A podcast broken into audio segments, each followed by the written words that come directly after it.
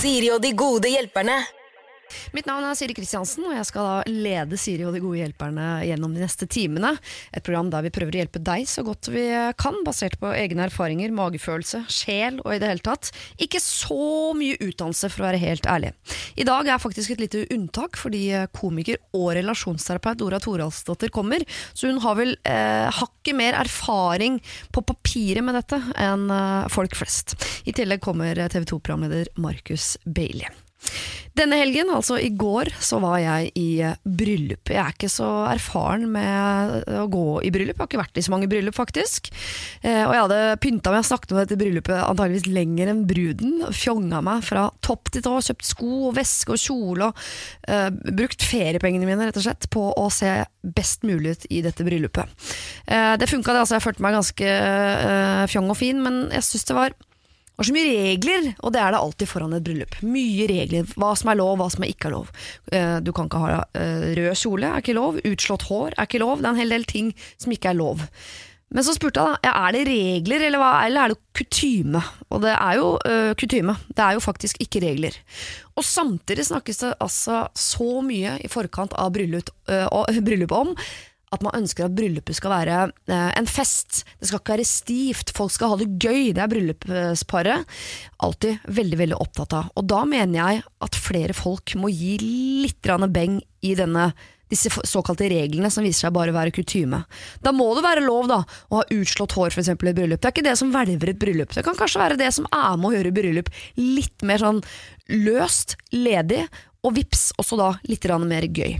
I uh, det bryllupet jeg var i går, så var det mange som hadde sett litt gjennom fingrene på en del uh, kutymeting, og det ble veldig morsomt. Jeg hadde på forhånd sagt at jeg kom til å ha med meg badedrakt i dette bryllupet, fordi uh, bryllupet ble arrangert på et spahotell i vannkanten. Og det var det mange som reagerte på. Du kan ikke bade i et bryllup! Som om jeg hadde tenkt å liksom kaste meg på sjøen mellom forrett og hovedrett. Et eller annet sted utpå natta der, så er vel i hvert fall all kutyme på båten. Da er det lov å ta seg et nattbad. Og det skulle vise seg å være en ganske god idé, så jeg hadde med badedrakt, jeg, og den fikk jeg faktisk brukt. Det var ingen der som tenkte hva, Gid, du kan ikke bade i et bryllup, du ødelegger alt. Folk ble med. Det ble bading, det ble gøy. Men høydepunktet på kvelden for min del, sånn rent privat, var at eh, min deilige mann, lokføreren, han hadde kjøpt seg nye sko. Og de skoene de var altså så vonde. Så i løpet av kvelden så fikk han så vondt i bena sine og gikk og klagde så høyt og syntes det var ordentlig ordentlig vondt å skulle bevege seg i disse nye, stive skoene. Og da burde jeg sikkert vært raus og stor og fin kjæreste, så sa sånn å, na, nå ser jeg at du sliter, dette er vondt for deg. Det eneste jeg klarte å si var Welcome to my world. For sånn er det jo så ofte for eh, oss som skal gå på disse høye hælene. Gå rundt, se fine ut, men har det altså så vondt. Og i går var det mannen sin tur til å ha det vondt i bena sine. Null sympati å hente fra meg. Jeg synes bare det var ekstra underholdende å vite at vi var to i den båten. I dag skal jeg være mindre skadefro. Altså, jeg skal uh, skru empatien mot topp og hjelpe deg å forstå deg så godt jeg kan fram til klokken fem i dag. Siri og de gode hjelperne. Søndager fra to på Radio 1. Jeg, Siri Kristiansen, nå har fått på plass mine to gode hjelpere. Og det er jo da blant annet deg, Markus Bailey. Jeg har, jeg har, kalt deg for um, TV 2-programleder, men det er fordi det er ofte der folk liksom husker deg fra, når du var Idol-programleder. Ja. Var det gøy? Det var gøy, det. Det var kjempegøy. Hvor lenge er det siden, da? Oh, oh, jeg føler meg gammel. Det er to år siden nå, altså. Hvem var som vant da? Da var det Marius Samuelsen som vant. Fra Stavanger. Var det han med uh, piano? Mm. Ja, han var flink, mm. han. Flink, han. Ja, han. Men det er fortsatt, selv om uh, det er liksom TV 2 som var sist, så var det barne-TV det er den som sitter mest. Er det det, Han Men stadig vekk. Barne-TV, Markus. Ja, barne hey, barne barna mine ser på deg! Han, han, er to år gammel, men jeg har ikke vært der på ikke, forever. Liksom. Men, men, ja, men det er hyggelig, da. Det er en hyggelig tittel. så har vi med eh, komiker og relasjonsterapeut. Dore ja, Doresåtter. Ja. Virkelig sånn, Er du sikker? Nei, men Jeg ble usikker på om det var riktig terminologi. Ja, ja, ja. ja. Så riktig at det Hva har du studert der? Relasjonsvitenskap? Det, det er familieterapeut jeg har eh, studert, men ja. så er det en annen terapiform som heter relasjonsterapi. Ja. Så, da, ja, så det handler veldig mye om å jobbe med din relasjon til deg selv. Ja. Og forbedre den, for det er jo det som er kjernen til veldig mange problemer, som jeg kommer sikkert innom i løpet av uh, dette programmet her. For vanligvis er vi jo en gjeng med uh, halvhvite folk som sitter og, og skyter fra hofta, liksom. Vi pleier jo ikke å ha med eksperter, så Markus og vi to kommer i dag kan, om muligens til å føle oss litt dumme. Ja. Sier du at jeg sitter med fasit? Samme hva? Ja, du bør være nærmere fasit nesten enn enn oss andre, i hvert fall. No pressure. Nei, No nei, nei, pressure. nei. Men det er kanskje ikke noe fasit når det kommer til følelser? Nei, å, godt oppsummert, Siri. Nå er vi innpå hele kjernen her. Vi kan sitte og synse masse, men så er det opp til den personen som har sendt om de vil gjøre det eller ikke, det vi sier, da. Ja. Men er det ikke sånn at man hører, i hvert fall når jeg får råd, så har jeg selv fått mange gode råd som jeg bare ikke hører på. For jeg tenker sånn, det der er ikke min kopp med, det der kommer ikke jeg til å gjøre. Og så sitter man bare og øh, hører, hører, hører, og så plutselig svekter vekter man seg Så det der, som du sa nå, det kan jeg gjøre. Ja. Godt oppsummert. er litt rotete òg. Jeg syns det er sånn deilig nå å skulle bestemme hva folk skal gjøre. Jeg er litt sånn maktsyk på den måten her. Bare sånn, ja, du skal gjøre det. Gjør det nå. Så Påvirke måte- folks liv Ja, direkte. blir sånn, ja, ja, I have the power. Mm. Jeg er ikke så opptatt av konsekvensen av Nei, det nei, nei, bare gjør det jeg sier, du. Så ordner det seg. Men du, det er bra du sier, fordi det første problemet vi skal til i dag, så er det virkelig sånn, du skal, det står, det er en som skal velge mellom to ting. Okay. Klarer ikke å velge sjøl, så vi har fått i oppgave å velge. Jeg håper ikke det er mellom velge. to personer, Nei, det får vi også for mye det er mye vanskeligere. Ja, Skal jeg av. ta Per eller Leif? Han med Eh, skinnjakke eller han litt søte hyggelige? Jeg går alltid for søte hyggelige. Så det er ikke ut som sender. Ender alltid opp med han i skinnjakke, da. Det er jo det som er greia. Ja, det er det de gjør. Folk vil ha han med skinnjakke. Fader, sånn er det bare. Siri og de gode hjelperne. Mail oss på siri at radio1.no. Eh, allerede før den låta så sa jo da eh, Marcus Bailey fra Barne-TV at du eh, syns det er litt deilig å føle at du har en sånn maktposisjon hvor du kan bestemme hva folk skal velge. Ja. Og det skal vi jo eh, få lov til nå. Eh, Dora Toråsdottir, du skal også få lov til å være med og ta Ja, et valg her. Så koselig at jeg fikk lov til å være med. Ja. Sanna skriver Uh, Jeg klarer ikke å bestemme meg. Jeg er 20 år og har fått tilbud av mamma og pappa om å bli med dem til Syden. Gratis, digg, men kjedelig. Samtidig skal bestevenninnen min på festival. Dyrt, digg og gøy. Jeg flytter langt vekk fra familien til høsten, så de vil gjerne tilbringe litt tid med meg. Venninnen min flytter sammen med meg til samme sted. Så det er et luksusproblem, I know, men dere må velge. Å, fy fader. Fikk ikke det i fanget? Festival, festival Blæ, blæ, ey, gutta, Hvorfor? Ja, stemning! Eh, hvorfor? fordi det er gøy. Og hvorfor skal man gjøre det som ikke er gøyest? Ja, jeg sitter og tenker at eh, hvis hun drar til Syden, så kommer hun 99,8% av tiden til å tenke at hun skulle ønske hun var et annet sted. Tror jeg. I hvert fall når denne venninna begynner å sende snap og eh, bilder og legger ut om hvor utrolig gøy det er. Så tror jeg det er veldig fort gjort at hvis du egentlig vil dra Ja. på festival, men så føler du må noe annet, da blir den der litt eh, Det blir litt halvveis, den der sydenturen, tror jeg. Men det er gratis, kan slappe av en uke, lese bok, hente energi, ikke bruke en krone. Tilbringe litt sånn kvalitetstid med mor og far før du på en måte skal øh, ikke Ja. se dem på et år, potensielt. Er det ingen som Jeg ser hører hva du i sier. Jo, jo, jeg hører hva du sier. Jeg tror bare det at uh, det er så innmari eh, undervurdert da, at eh, når du liksom ikke sant? Det er ingen som sier 'åssen har sommeren din vært'? Jo, den har vært kjempefin den har vært gratis, så derfor var den bra. Det er jo ingen som sier det noen gang. Jeg var på hytta og det var gratis, da. Så, nei, da, så jeg betalte ikke leie. Så derfor var, det er veldig sjelden at noe er helt topp fordi det er gratis. Det er fordi Ja. opplevelsene eh, er gode. Og jeg tenker at hun er ung, det er en festival, hun vil helst være der. Eh, de pengene kommer hun sannsynligvis ikke til å angre på at hun har brukt. Nei. Nei, og så Se for deg at du får sånn snap at venninna er backstage med Post Malone. Og så blir det, det kunne jeg vært med på. Det er Ja. sånne ting skjer. Sånne. Det er alltid det kuleste skjer når du er borte. Så aldri vær borte. Ja, for da får du jo opplevelsen bare via øh, Snap, Ja. liksom. Da ser jo alt veldig, veldig gøy ut. ut. Ja, veldig bittert. Sitter der og Ja. ikke kan komme. At jeg, vet du, jeg går for festivalet. Og det ble veldig sånn samstemt, dette her, for dere ropte jo festival med en gang. Med en gang. Jeg ropte Syden inni meg, men jeg vil ikke legge noen føringer. Men jeg regnet jo med at du Markus, kom til å rope festival. Men jeg trodde tobarnsmor Dora Torrestad at du skulle være litt mer sånn men unga må jo bli med Ja, til Syden. eh, jeg, jeg hører hva du sier, og det er den fornuftige delen av meg lener seg hardt på det du sier. Og vet du hva, du er innpå noe der, altså, Siri. Men så tenker jeg at hvis nå som jeg er til å bli ei gammal høne, så vil jeg si at når jeg tenker tilbake på min ungdomstid, og dette her vil jo alle som har passert 30 si, Ja. så er det opplevelsene som sitter. Og dette er jo en opplevelse å dra på festival, og det kan man ikke gjøre når som helst. Men det å være sammen med familien er egentlig noe hun kommer til å oppleve veldig mange ganger senere i livet. Åh, jeg sitter og tenker tilbake på alt jeg har gjort som er gratis. Jeg. Når det er hovedargumentet, så tenker jeg sånn Nja. Ok, det er enstemmig, Sanna. Her har jeg lite jeg skulle ha sagt. Selv om jeg synes det høres mye digg Men det er fordi jeg ikke er glad i festival. Det høres mye diggere ut å dra til Du sover sikkert bedre i Syden. Ja, det vil jeg tro, altså. Ja. Men eh, ikke hør på meg, da, Sanna. Nå har vi jo bestemt på dine vegne at du skal dra på festival. God tur, kos deg. Trenger du hjelp til å ta et valg i livet ditt, så er eh, Markus veldig veldig keen på det. Han elsker makten det gir. Eh, Dora, du har ikke sagt det, men det er kanskje kan Nei, jeg, jo, jeg, pleier- egentlig skal man stille spørsmål og la den andre komme til en konklusjon, men dette er ikke den type program. Nei, det blir vanskelig Her her eh, vi. i dag. Siri og de gode hjelperne. I dag i Siri og de gode hjelperne så har jeg med meg eh, komiker og relasjonsterapeut Dora Toraldsdottir. Og så har jeg med meg eh, Nå ble jeg usikker, Markus. Kan du bare si sånn derre der altmuligmann alt mulig mann eh, Norges topp ti kjekkeste menn, Markus Bailey. Norges topp ti kjekkeste menn, Markus Bailey. Åh, den liker jeg. Ja. Bruk den. Du så han sist i Book of Moments. Yes. Ja. Naked. Og, eh, er du naken der? Ja.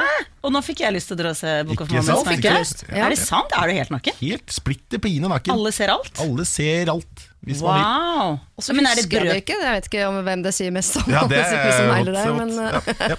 er det et brøkdelssekund du er naken, eller? Det er, nei, det er, det er en stund. Ja, det er det, altså, mye ræv. Ja, det husker jeg nå, ja. Mm. Jeg Nå falt det på plass for deg. men det blikket du hadde nå Ja, men jeg når du sa, prøvde, å «Å, se ja, for det- meg, jeg prøvde å se for meg kølle, og fikk ikke noen bilder. Nei. Fikk ikke opp noen bilder Men ræv, der kom det noen bilder, ja. Ja. Så fint. sier en del om deg. Ja, det sier mye om Så da går vi over til andre folks problemer. Absolutt, la oss eh, gjøre det. Vi skal over til en uh, som gjerne vil bli kalt for Lambi, og det er en gutt. Han skriver Hei, Siri og hjelperne. Jeg har et lite problem som jeg tror flere kan sende seg inn i. Jeg er en gutt på 28 år som har hatt samboer i 6 år, og nå begynner jeg å sende at jeg har lyst til å gifte meg. Men jeg er usikker på hva hennes forventninger til et frieri er. Etter hvert som jeg har tenkt litt og funnet inspirasjon på nett, har jeg kommet fram til at dette å fri er noe som ikke lenger er gjort i en fei, men at det burde planlegges, tilrettelegges og kanskje også være overdådig og minneverdig. Jeg er selv veldig glad i å lage overraskelser, og har gjerne slått litt på stortromma når vi har feiret jubileum tidligere. Så hvordan syns dere at et frieri skal være nå til dags? Så er det best å finne et intimt og godt øyeblikk, eller leie inn en hel flashmob og flammeslukere til å akkompagnere det hele. Med en liten usikker gutt. Dere kan kalle meg Lambi. Ja, Lambi tørkerull. Hmm. ja det ble veldig, nå ble jeg hengt opp i navnet her. Og så litt sånn, er det en liten Man er sikkert ganske myk type, da. Tror du ikke det? Jo, jeg, jeg syns jo det eh, flashmob-frieri-greiene er jo helt pyton. Ja. Det syns jeg ikke er noe særlig. Hvordan hadde du fridd? Jeg? Ja. Ah, på en, sånn, Som en moderne mann? som som moderne mann. Uh, helt sånn På Snap. Du sjekker jeg har sett en snap der. Nei, men det hadde vært eh, liksom over en middag alene hjemme-type greier. Eller sånn Vi Ja. er på ferie i mm, åh, hva skal vi si, Maldivene, og så bare f før vi skal Vet ikke jeg, hjem igjen, så bare Du, forresten, jeg har noe til det. Så du heller mot intimt og godt øyeblikk? du Intimt og godt, og så må du ha den stemmen. Da. Ja. Er du mer en flashmob-jente? Nei, det jeg er veldig opptatt av, er at han kjenner jo kjæresten sin. Og Ja. han vet nok om hun er en som vil ha det overdådig og med et korps og med flaggtops og full uh, greier, Mhm. eller om det er litt mer nedpå. For jeg har faktisk en jeg kjenner som blir fridd til i all offentlighet, med alle naboer og venner og alle til stede. Og hun er ikke et menneske som liker å få spotlighten på seg. Nei. Og da kjente hun et voldsomt press, fordi at nå snudde alle seg og sa sånn Nå må du si ja! Og hun satt og kjente på at du kjenner meg ikke når du stiller spør det spørsmålet på den måten der. Så du Sånn fikk lyst til eh, å si nei, hun da? ja, jeg fikk nesten lyst til å si sånn Nei, først trenger du å bli kjent med meg, for dette hater jeg. Sånn at jeg tror nok eh, hva slags type hun er. For hvis hun har uttrykt en eller annen gang at dette her er noe hun syns er kult, så syns jeg go for it hvis han vil det. Men det er litt vesentlig at hun er komfortabel i situasjonen, rett og slett. Da. Og jeg husker jeg har en venninne som for henne så var dette det mest romantiske i verden. Det er at hun har alltid ikke likt hverdager så godt, men eh, alt som er spesielt. Ja. Og for henne var det så romantisk, for det var en tirsdag. De sto og vaska opp, oppvaskmaskinen hadde gått i stykker, de sto og vaska opp, og så gikk han på kne på en tirsdag og sa det er flest hverdager, og de vil jeg tilbringe med deg, min elskede. Og det er så vakkert. Og det var, hun sto liksom med oppvaskhansker på, Ja. som måtte ta av seg, og etter det så har det liksom blitt en sånn nydelig historie som er så ekte, og jeg tror det er ektheten, å Ja. gjøre det til ditt. Eh, ikke liksom ta copy-paste fra noe du har sett i USA, for det kan fort bli litt kleint. Men Da utgår jo er flashmob, liksom, for det føles ikke så ekte og nært. og så er det det presset på sånn Nå trenger du si ja, for jeg har brukt faktisk 20 000 på disse menneskene som står og forventer. Men tenker dere at uh, et frieri skal det gjenspeile uh, frieren, eller den det fris til i størst grad? For han også har en rolle i dette. Han frir jo, han skal inn i det samme ekteskapet, han. Mm. Og hvis han er sånn, han høres jo litt ut som en sånn flashmob-fyr, da. Ja, jeg tenker at dette handler jo mest om eh, den kommende brura. Eh, Ja. Og legge det litt mer på hennes premisser. Ja. Tenker jeg da, fordi at du vil jo helst ha et ja, og da er det greit å få henne i det moduset. Og ikke Ja. provosert først, og så lirke ut et ja. Men du som potensielt frier, da, Markus? Nei, men jeg, tenker liksom, jeg har ikke tenkt på at det er jo frieren har jo også en, det er jo en rolle, det òg. Ja. Man burde jo kanskje gjøre det mer for seg selv. Og så vet du, Erik liker, Hvis han liker å liksom heidundre meg rundt og danse rundt og skal ha med Kaptein Sabeltann, sorte dame ut på havet og skyte kanoner, liksom. Ja. Og hvis han vil det, så burde han egentlig få lov til å gjøre det. Ja. Det er jo han som ligger i all arbeidet. Det er han som skal snakke om det etterpå. ja. Det, handler blir en ikke, bedre det handler ikke om den andre partneren. Kanskje Kanskje dette Du skal bare si ja eller nei, egentlig. Det er jo null det er, Ja, ja, det, du er det enkelt. Jeg skal ha en fest jeg, for meg selv, og så skal du få spørsmål, og så skal du svare på det, og så fester man enten like etterpå. Ja. Ja, Ja. Nå, er, nå, nå Så flott du at ja. eh, Ja, da har vi litt eh, lykke til Det Lombre. Dette her var jo kjempegod hjelp. Men da kan jo jeg gå inn i midten og si at Ja. kanskje dere skal møtes på midten. At dette er jo din dag, det er ditt frieri. Det, du har gleda deg til å fri, og dette er starten på ditt ekteskap også. Men du er jo en her du skal gifte deg med, så det er fint om den dagen gjenspeiler henne også litt. I hvert fall henne mer enn YouTube, på en måte. At hvis du skal hente inspirasjon til hvordan du vil fri, så hente i henne, og ikke på YouTube, eller ikke noe du har googla deg fram til, eller sett Ja. på TV, på en måte. Og så kanskje blir det en bedre historie å mimre om hvis det er noe veldig sånn Første gang jeg traff deg, så var det på den jeg vet ikke, restauranten eller i butikken, eller hvor du ikke sant? At det, har en, det går liksom tilbake til noe som var viktig for dere. Ja. At man trekker inn noe som er bare oss, på en måte. Altså De gjenspeiler ikke bare deg, ikke bare henne, men dere. Det er jo fint hvis frieri kan gjøre. Så hvis det er eh, med en Kaptein Sabeltann-skute, men med oppvaskhanskene på, Ja. så er det veldig veldig fint. Det var eh, veldig Veldig konkret, akkurat det. Det er en veldig rar situasjon å havne i. Men i hvert fall noe som kan ha både elementer av oppvaskhansker, men også elementer av flashmob. Siri og de gode hjelperne. Sigrid med sin 'Strangers' fikk du der eh, på Radio 1, hvor eh, i hvert fall én av mine gode hjelpere, Markus Bailey, sitter med henda i været og digger til Sigrid. Åh, Sigrid, er så dem Åh, the shit. Hva må du høre for å ta arm over huet, Dora Torsdatter? Alt som er spilt inn på 80-tallet, så er jeg Nå ble jeg hun på 110 her. Nei, det er ikke så lenge siden 80-tallet. Nei, jeg- jeg skal sitte og veive på alle sangene som er igjen. Så jeg virker ung og oppegående og følger med i tiden. Ja. Det spørs om det er noe 80-tallsmusikk her i dag, men Nei vi, da, kan det- jo, vi kan jo håpe. Jeg klarer meg fint ut. Det går helt fint.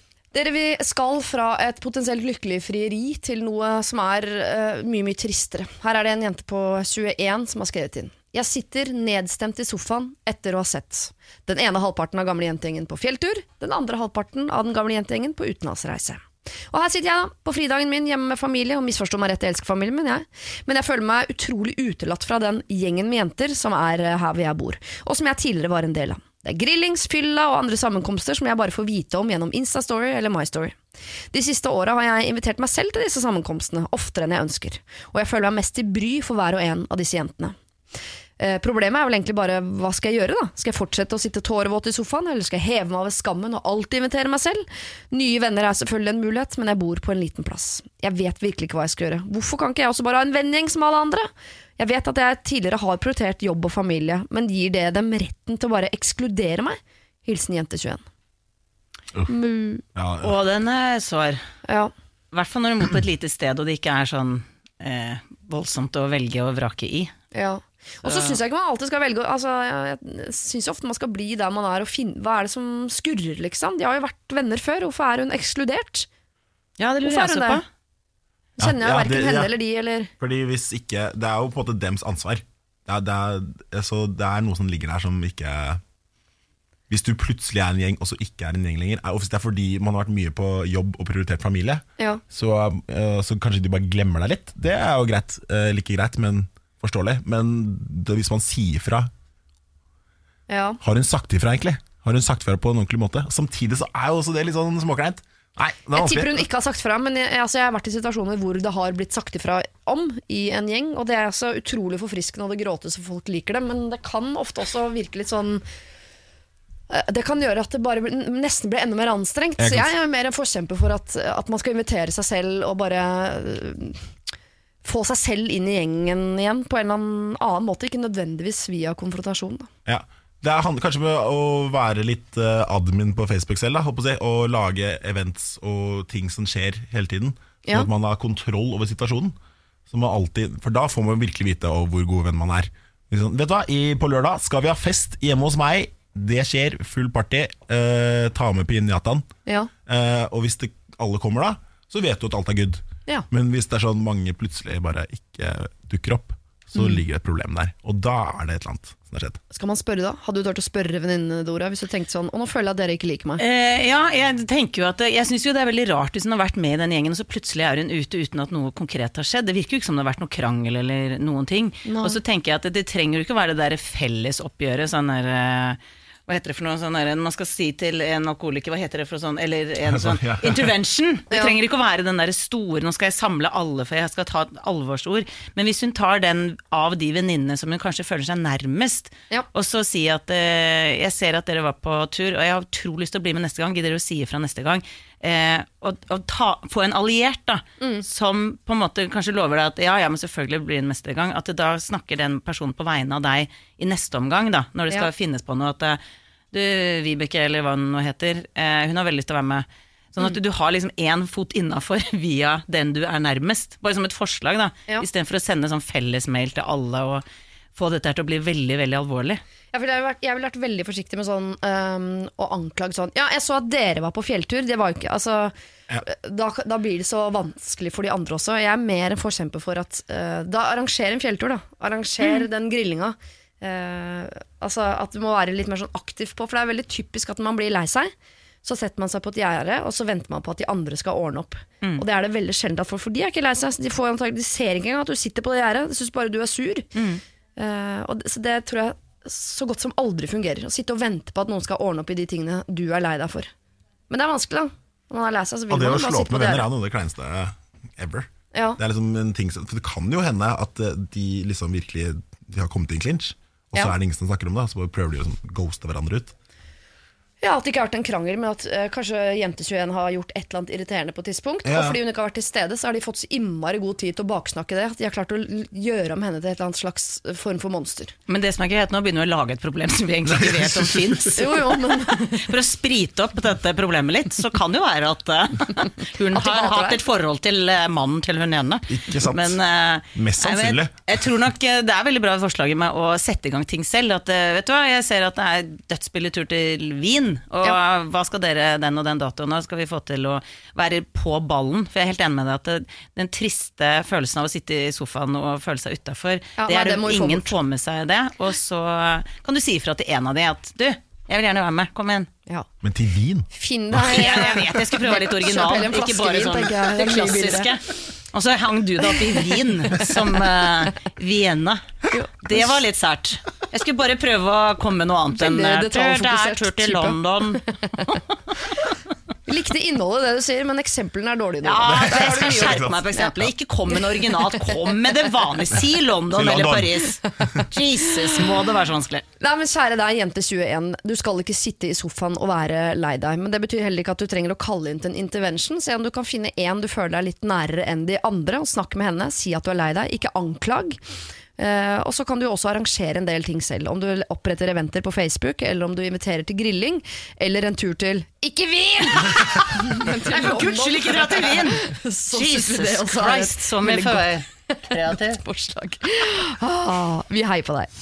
Siri og de gode hjelperne. Søndager fra to på Radio 1. Og denne gangen så satt altså eh, komiker og relasjonsterapeut Dora Thoraldsdottir med begge hendene over hodet Ja. og danset så godt du kunne. Så godt jeg kunne. Jeg følte Ja. presset. Er du med, så må du veive og vise engasjement. veives. Ja. Ellers så er du utafor. Så Ja. ja, tar det på alvor. Markus Bailey, du tok en pause fra veivinga på akkurat den låta. Ja. Er du ikke Selena-fan? er ikke så Selena-fan, altså. Han nei. Jeg er ikke jeg, Nei. Nei! Nei. Er hun for lav for deg? Hun er, hun er, hun er for Selena. Hun er for Selena. Hun er for Gomez. Jeg perver sykt på Selena Gomez. Syns hun er det deiligste lille mennesket. Oh, ja. Jeg er fas- fascinert av engasjementet deres. Jeg har null inst Mm. altså, Jeg bare tenker hun er hun. Det er som å uh, dyppe Sandra Lynghaugen i sjokolademelk. Oh Altså, my god, det var det Åh! Hæ? Det var så Var det- forferdelig godt bilde. Og trodde jeg du skulle si at er du rasist? Jeg ble Nei, nei, kjemperedd nei. feil. Nei, nei, det var, bare, det var sånn, det er akkurat det, det er akkurat det hun er. Det er det der. Det er det der. Åh, det kan ikke bli gærent. det ble litt flottere i minnet. Ja, ja, det er litt deilig nå. Mm. Ok, uh, Selena hører ikke på, det skal jeg være glad for. Jeg tenkte å spørre dere om ting, det har jeg glemt å spørre om, om uh, og det er ikke sikkert dere vil svare på heller, men uh, er dere single?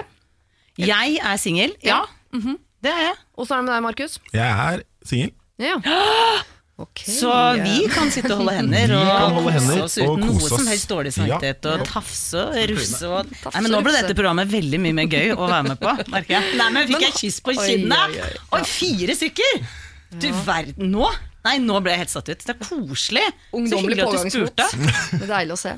Men har dere, da har dere ikke svigerforeldre as we speak, men dere har vel kanskje hatt? Ja. Sa han og glefsa, hørtes Ja. det litt ut som. Hvis du hører Hvis jeg sier ordet svigermor, eh, blir du rosa i følelsessenteret, eller blir du mer mørkt? Oransje. Oransje? Oransje. Ja. Har ikke noe nei, altså, Jeg er svigermors drøm, jeg, altså. Så det Er det lov å si selv, egentlig? Nei, egentlig ikke. Men jeg, jeg har godt tak på svigerforeldre. Ja. Så det er ikke noe sånn negativt ladet ord for deg? Nei, men du må, må jobbe sånn. Ja. Selge seg inn, liksom? Ja, Det er så veldig sånn Ok, nå, nå, skal, nå skal det vise seg at jeg er en bra kar. Oi. Ja, da tipper jeg Du er sånn liksom på litt og audition sånn. hele tida. Ja, om da. Ja. Ja, ja. Det er sånn, skal vi danse litt vals? Oi, oi. Føler du at du er på audition hele tida? Ja, Ja. konstant. Men nå har jo jeg eh, verdens verste bekreftelsesbehov også, da. Så jeg må jo at alle skal like meg ekstremt mye hele tiden. Ja. Så når det kommer da nye mennesker sånn Hei, hei, hei, ja, ja, ja, ja, du må like meg, vet du. Jeg er så slitsom å være med. Men Shit, jeg er nesten motsatt. Åssen er det med deg da, Dora? Blir du glad av ordet svigermor? Du, jeg, eh, det, jeg har jo vært i et langt forhold, og der var begge foreldrene døde. De døde veldig unge, så jeg har faktisk ikke hatt Men jeg har jo hatt andre kjærester og sånn, og eh, jeg har ikke så anstrengt forhold til det. Jeg kommer jo til å bli svigermor til eh, noen, regner jeg med, etter hvert. Ja. Så jeg tenker at det, det er jo en, en Altså det blir jo ofte spytta ut omtrent, året ordet svigermor, og jeg syns litt jeg tenker at det er veldig mange fine mammaer rundt omkring som syns det er litt ufortjent, og hvis jeg skal ta litt eh, for, dem i forsvar, Ja. at det er liksom sånn skjellsord omtrent. For jeg tror det er, det er veldig mange som er veldig fornøyd med den svigermoren de har. Og det, det snakker vi ikke så mye om, men vi snakker mye om de vanskelige. Og det er det jeg regner med at nå når du tar dette som intro, at Ja. nå har vi den enden av skalaen som er litt mørkere enn den rosa. Vi skal til absolutt til den vanskelige svigermoren, for vi skal ikke glemme at det finnes jo mye dårlige folk der ute, og de blir også svigermødre. Og her kan det hende at vi har med en av de å gjøre. Ellers så er hun et bra menneske, men bare syns at den svigermorrollen er litt vanskelig. Eh, det er Kjersti som skriver eh, inn en ganske lang mail. Jeg liker ikke svigermor, starter hun med. Rett på poenget! ja. Svigerfar og hennes nye kone eh, kom jeg godt overens med. Jeg har klart å leve greit med svigermor også, siden vi bor en times bilkjøring unna hverandre. Så vi møtes ikke mer enn kanskje åtte ganger i året. Svigermor er egoistisk og sjalu og har vært dårlig på å følge opp barna sine. Hun ringer dem aldri, tar dem for gitt og tar lite hensyn til barna, selv om eh, noen av dem fortsatt er barn. Det virker som om hun kun er opptatt av barna dersom de kan tilføre henne noe. For eh, nå etter at jeg ble gravid, har hun plutselig tatt kontakt med min samboer, Frode, oftere enn før. Svigermor har flere ganger kommet med små kommentarer rettet mot meg, og hun har blandet seg i både navnevalg og oppdragelse allerede før barnet er født. Jeg vet at Frode og søsknene hans syns at deres mor oppførte seg eh, dårlig i oppveksten, og at de følte at de alltid måtte gå på nåler for å ikke såre henne på noe vis. Men Frode føler nok ofte også at han må forsvare henne, for han er jo selvfølgelig glad i moren sin. Dette gjør at jeg ikke tør å snakke med Frode om problemet mitt, siden jeg ikke vil at han skal bli lei seg. Jeg tenker nå mye på hvordan jeg skal klare å takle svigermor, som da blir farmor. Hun snakker hele tiden om hvor mye hun gleder seg til at barnet kommer. Problemet var at jeg helst ikke vil at barnet mitt og jeg skal slite uh, med henne uh, så veldig mye. Jeg blir kvalm av å tenke på at hun skal holde barnet mitt, og jeg klarer ikke lenger å være så hyggelig når vi møtes. Hva kan jeg gjøre for å treffe henne så lite som mulig etter at barnet har kommet? Eller hva kan jeg gjøre for å takle situasjonen? Jeg er en god nier på konfliktskyhetsskalaen. Sorry for lang tekst. Altså, Hun er ikke glad i konflikter, denne Kjersti, og hun hater sin svigermor, som nå straks skal bli farmor. Hvordan man skal ha så lite med henne å gjøre, eller i hvert fall klare å takle de gangene man må ha noe med henne å gjøre, det skal vi ta tak i straks. Siri og de gode hjelperne. Mail oss på siri at radio1.no. Eh, Dora Torasdotter og Markus Bailey pleier sitt gryende forhold. Virkelig funnet eh, tonen der borte nå. Åh, Eh, nå er det god stemning her. Nå bryr vi oss ikke så mye om svigermødre akkurat nå, tenker jeg. Nei, Vi må tilbake til svigermor. fordi Rett før Shawn Mendes fikk fremføre sin uh, låt, så ble vi litt kjent med svigermoren til Kjersti. Kjersti er gravid, og det vil jo si at svigermor snart blir farmor. Hun har et veldig dårlig forhold til svigermoren sin, uh, og nå blir hun kvalm bare av tanken på at svigermor skal holde barnet. Eh, hun har ikke vært noen god mor for eh, samboeren hennes eller hans brødre og søsken opp igjennom i oppveksten, men de er jo selvfølgelig glad i henne på en annen måte enn det Kjersti er. da. Hvordan skal hun eh, A. Hun ber om to ting her. Sørge for å ha så lite kontakt med svigermor som mulig, hvis vi har noen helt konkrete tips på det. À la flytting til månen osv. Eller når de da først ses, hvordan skal man takle den situasjonen? Jeg vil bare si lykke til! Vi Det er god spiller. Alan Walker! Lykke til! Det var det vi hadde å si. Ja. Så da er vi ferdig med det. Jeg tenker Det første man skal gjøre, er å ikke tenke på seg selv, da, at uh, tenke på dette barnet. Ja. Uh, at man kan ikke uh, vet dere, det, frarøve. Fra, frata. Ja. Jeg kan ikke norsk. Begge de ordene er fine. Ja, med eh, barnet farmoren sin. Nei. Det er jo litt dårlig gjort. Uh, fordi barnet har ikke noen relasjon til uh, svigermor ennå. Så prøv å ikke tenke på deg selv, og bare eh, hev deg over det, og tenk på barnets beste. Ja, for Er det en nubbesjans i H-øya for at eh, til tross for at dette kvinnemennesket har vært en ganske dårlig mor og en ganske dårlig svigermor, viser seg å være en perfekt farmor? Men det kan- jeg Tenk så irriterende! Det så jeg på kroppsspråket ditt. Da, da hadde du klikka. Og nå kom den gode siden fram. Jo, men noen ganger så er man jo Hvis man misliker et menneske, så blir man litt irritert når dette mennesket gjør noe bra. Ja. Og det kan man vel prøve, for det kan jo hende at hun gleder seg til at dette barnet kommer. Kanskje hun kan bli en kjemperessurs. Ja, det er nettopp det. Det har jeg opplevd før. At folk har sagt at det er så irriterende. Mamma var ikke noe ålreit da jeg var barn. Så blir hun mormor, og så er hun søren meg liksom grandmother of the year. Ja. Takk skal du ha. Hvorfor var du ikke det mot meg? Altså det, dette her har faktisk skjedd. At eh, ting snus. At mot dette lille uskyldige barnet så har hun en annen side. Og da kan man bli litt bitter da. av en eller annen merkelig grunn. Det er jo småløy, men da blir man kanskje litt bitter. Ja, litt sånn, å, jeg, jeg ble frarøvet det som da dette barnet får. Så det kan hende at hun endres. Og så så jeg at du klør etter å si noe. Nei, Huska du ikke hva du skulle si? Nei, jeg husker ikke hva jeg skulle si. Jo, men det er det, er det at uh, farmor trenger jo ikke å oppdra. Farmor skal bare Nei. være snill og hyggelig hele tiden, og gi sjokolade. Ja. Så det er, Ja. det er jo en deilig rolle å ha. En mye lettere jobb å være Mye farmor enn å være mor. Ja, absolutt. Men det, nå kommer liksom familieterapeuthatten godt tredd nedover her. Og det er at eh, når du går på akkord med deg selv, gjør ting du egentlig ikke vil, så går det utover to ting spesielt. Du mister energien, og du mister gleden. Og det er det jeg tenker at hun gjør når hun treffer dette mennesket, Ja. som hun ikke har så mye til overs for. Og det jeg tror vil gjøre hennes liv litt bedre, er hvis hun er tro mot seg selv, og kjenner etter hvor ofte syns jeg det er greit å treffe henne, og så faktisk tørre å si at jeg opplever at du er litt invaderende, jeg opplever at du skal liksom kuppe dette her, eller overta, eller mene en masse som jeg ikke har bedt om. Eh, så jeg merker at eh, jeg vil ha deg i livet til dette barnet, men jeg syns at jeg vet ikke, en dag annenhver uke, eller en dag i måneden, eller at hun liksom begrenser det ned til en Og ikke sier sånn 'for alltid', men at det er en avgrensa tid. Da, at det første halve året syns jeg er veldig hyggelig at du treffer eh, barnebarnet ditt, men jeg eh, vil gjerne at eh, vi har den tiden her sammen, og så møtes vi annenhver søndag. Eller et eller annet som hun kjenner hun kan stå inne for, for da blir det bedre besøk. Fordi hun har på en måte vært med å velge dette selv. Det er ikke så overkjørende. Og så er det jo ikke så langt uti denne oppveksten til dette barnet, hvor man selv kan benytte uh, den tiden hvor svigermor er på besøk, uh, til å stikke og gjøre andre ting. Altså sånn Yes, da passer du, uh, baby. Gjerne vask vinduer. Jeg stikker på trening. Nå snakker Siri av erfaring, tror jeg. Vask vinduer var veldig konkret. Med det engasjementet der, så tenker jeg dette har Siri benytta seg av. Jo, men det er noe med å ikke bare sette grenser, men også Ja. være litt sånn konkret i oppgavene, Ja. liksom. Her er du! Neimen, ha det, da! Det Ja. kan du si når Ja. du har barn, Fordi det er den rollen besteforeldre veldig ofte har. Ja, I hvert fall når det er svigermor, for det er ikke sånn Kjersti og svigermor trenger ikke masse tid til å pleie relasjonen. Eh, nå er svigermor blitt farmor, med andre ord, Kjersti, du har, fått fri egentlig. Det er din fribillett til å bare være Kjersti, mens eh, farmor er sammen med barnet. Er ikke det bare Jo, det er såpass lett, altså. ja, man bare, jeg tenker at Det er ikke så ofte jeg ber folk være mer kyniske, men se det litt mer som en eh, Dette er grusomt å si. Du er ikke så mye menneske for meg, mer enn ressurs. På sikt. Men ikke vær mer sammen med svigermor enn det du kjenner at du syns er greit. For det går hardt utover livskvaliteten din hvis Ja. du ofrer deg.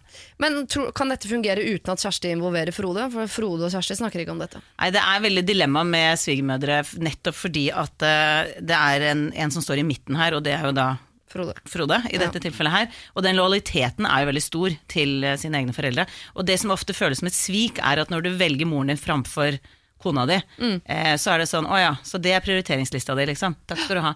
Så der er det en god investering i det forholdet, at Frode tar litt hennes parti. Eh, Fordi at da vil hun føle seg valgt, eh, og det er litt den rollen jeg tenker at en ordentlig mann gjør. Gruer du eh, deg til dette, Markus? Ja, Du gjør det? jeg tror jeg skal bli singel eh, resten av livet. ass. Orker ikke. Men er det lov å ha jobbet i barne-TV og ikke selv få barn? Da mener jeg du, da frarøver du, som er et ord vi har brukt mye nå de siste seks minuttene, verden eh, en ressurs, på en måte. Altså, skal man ikke bli pappa når man har vært på Er, det, er man barne-TV? liksom automatisk en god pappa hvis man har vært på barne-TV? Jeg syns det, altså. Men vil du vel, tenker du mye på det? At du har lyst på barn og familie og sånn? Ja! Jeg er blitt litt sånn verpesjuk i det siste, Ja, så faktisk. koselig. Men, øh, men jeg skal ikke ha det før liksom, jeg fått alt på plass. da tenker jeg. Li- sånn Livet. Hashtag livet. Ja. Da beklager jeg til deg, Kjersti. Du får eh, suge ut den informasjonen du eh, har behov for fra det vi nettopp har sagt. For jeg vil avslutte nå før vi hører litt musikk med å si at Marcus Markus Bailey, en eh, ung, eh, flott singel mann som begynner å bli verpesjuk Ja. jeg, jeg bare legger det der, jeg, Markus. Så, og så kan vi legge til telefonnummeret på slutten, og så ønsker vi alle lykke til. Helt på slutten av podkasten så er det mulig vi legger ut et lite telefonnummer. Siri og de gode hjelperne. Vi skal til et problem som eh, Jeg har aldri selv erfart dette problemet, men jeg merker at jeg blir hissig på vegne av. Markus Bailey, jeg tror nok heller ikke du har vært borti dette. Men du Dora- tror jeg har opplevd et eller annet Du som er i er hvert fall eh, potensielt den som kan ha opplevd det her. Og nå er jeg veldig spent Ja. på hva du tror. Hei! For godt og vel et år siden gikk min mann og jeg fra hverandre. Det Ok, gikk da. fint. Jeg har ny samboer allerede, mens min eksmann er singel og søkende. Vi har datteren vår annenhver uke, men vi hjelper hverandre med logistikken og møter opp begge to ved diverse tilstelninger om det passer seg sånn. Neste uke er det avslutning i barnehagen. Det er hans uke. Og jeg er på jobbreise. Jeg kommer meg ikke unna. Nå har han bedt en felles venn av oss om ikke han kan bli med på avslutningen fordi han selv skal på date. Hva?! Datteren vår digger denne såkalte onkelen, men altså, skal jeg la det gå? Eh, Det er jo hans uke, det er hans avgjørelse. Og jeg kan jo ikke være der sjæl, så hva skal jeg si til dette? Kall meg Katja. Forstår dere? Altså her skal eh, Jeg vet ikke hva datteren til Katja heter, men Mini-Katja Ja. skal ha med seg en perifer liksom-onkel på avslutning i barnehagen, for pappa er på date! Ja, og det er nå jeg skal komme inn med alle de erfaringene jeg har på akkurat dette her. Det var det du tenkte? Alle de gangene jeg har vært på barneavslutning og sendt av gårde en nabo. Så sa jeg sånn, gå på slutt, avslutning til dattera mi. Mor er på Tinder-date! Nei, men uh, i og med at jeg ikke har opplevd, og jeg tipper at Markus Det kan jo hende. Ja, altså jeg, det første jeg tenker er at denne faren prioriterer date framfor avslutning i barnehagen. Det syns, helt ærlig syns jeg er et dårlig valg. Ja. For det går an å si, og denne daten kommer jo til å synes at han er mer sympatisk hvis det er Vet du hva, jeg kan ikke da, for da er det barnehageavslutning. Ja. Eh, sånn at eh, jeg syns prioriteringen hans er veldig spesiell. Og så kommer den der eh, terapeuthatten igjen. På den andre siden. det er ikke noe klart svar her på at eh, når det er slutt mellom to mennesker, Ja. så har du egentlig ingenting du skulle ha sagt om de valget, valgene eksen din tar, med mindre det hardt går utover barnet. Ikke sant? Hvis det er noe som er graverende, så er det noe med å synse. Men utover det så er det faktisk slutt mellom dere, og du har egentlig ikke rett til å mene en masse om det valget til den andre, fordi det, dere er ikke kjæreste lenger. Dette er hans prioriteringer. Men du, Markus, som jo er den av oss i gruppa som øh, kan relatere til det å være barn, da. Hva hadde du tenkt? Ja, og, og, og barn har masse skilsmisser. holdt på å si, Ja. Så ja. Eh, Klarer du å sette deg inn i det er avslutning i barnehagen der du går? avslutning i barnehagen er jo ikke viktig. Er det ikke det? Kanskje det første jeg tenker på Avslutning i barnehagen er jo ikke noe jeg selv husker i det hele tatt. Eller Ikke noen jeg føler liksom, Det hauses alt, det er altfor mange avslutninger! Ja. Det er kjemperiterende kjempeirriterende. Det er sånn ditt og datt. Så jeg skjønner jo på en måte faren på den siden at eh, nei, det vil jeg egentlig ikke på. Og så er det en kul onkel som gidder å steppe inn. Den ser jeg. Eh, men ja, herregud, det politiske korrekte å si er selvfølgelig at man skal i avslutningen til barnet sitt, fordi det er viktigst. Men vil du synes det var flaut som barn å komme på avslutning med en venn av familien? Nei. Jeg tror ikke barn Kanskje tenker er Barn tenker ikke noe over det, tror jeg. Uh, så det, er ikke, det tror jeg egentlig ikke er noe farlig. Det er, det, ingenting i denne situasjonen her er noe farlig i det hele tatt. Jeg synes alle skal, Så lenge alle er happy. Jeg tror at hvis denne moren sier til barnet at 'stakkars deg, Ja. kommer onkel Rolf', altså nei ikke sant? Dette her, Det blir et problem når voksne lager det til et problem. Sånn at det kan veldig fint gå bra, dette her. Men jeg skjønner jo hennes frustrasjon på at 'å ja, er daten viktigere enn datteren din'? Eh, sånn at jeg, jeg ser liksom perspektivet hennes, men jeg tror ikke vi, eller jeg i hvert fall, sitter med noe sånn derre Vet du hva, da burde du ringe sånn og si sånn, for da skjer det noe magisk. Jeg tror nok dette er hans prioritering. Altså, kanskje Katja bare skal tenke sånn Å herregud, så deilig at det er slutt. Og så må hun sørge for overfor ikke si noe til han, men heller ikke si noe til datteren. Heller være sånn Kom onkel Rolf, bare Ja. så koselig. Han er jo så morsom. Han elsker jo å se alt du har tegnet, alle sangene du synger. Ja. Og så er det også lov å si 'jeg syns det du gjør er skikkelig teit', men du får gjøre Ja. det du vil. Det, Ja. det, der, nå var vi veldig samstemte. Ja. For jeg tror at det er veldig viktig at hun sier til han Jeg syns det er en utrolig merkelig prioritering å velge dette her, men det er ditt liv, liksom. Men kommer ikke an til Å å tenke si sånn det. Å ja, du har ny type. Det har faktisk ikke jeg, så nå skal du ha Det er problemer med at jeg driver og dater. Det er hans problem. Ja, det kan han, Do you, eh? Det kan han godt lage et til problem hvis han vil, men det er et eller annet med det er 365 dager i året, og han har relativt mange andre dager å velge mellom som Ja. ikke er avslutning i barnehagen. Hvis vi kunne gitt eh, råd til mannen, eller eksmannen din, Katja, så hadde vi sagt eh, sjekk om det er en av de andre 365 dagene som du kan gå på date istedenfor.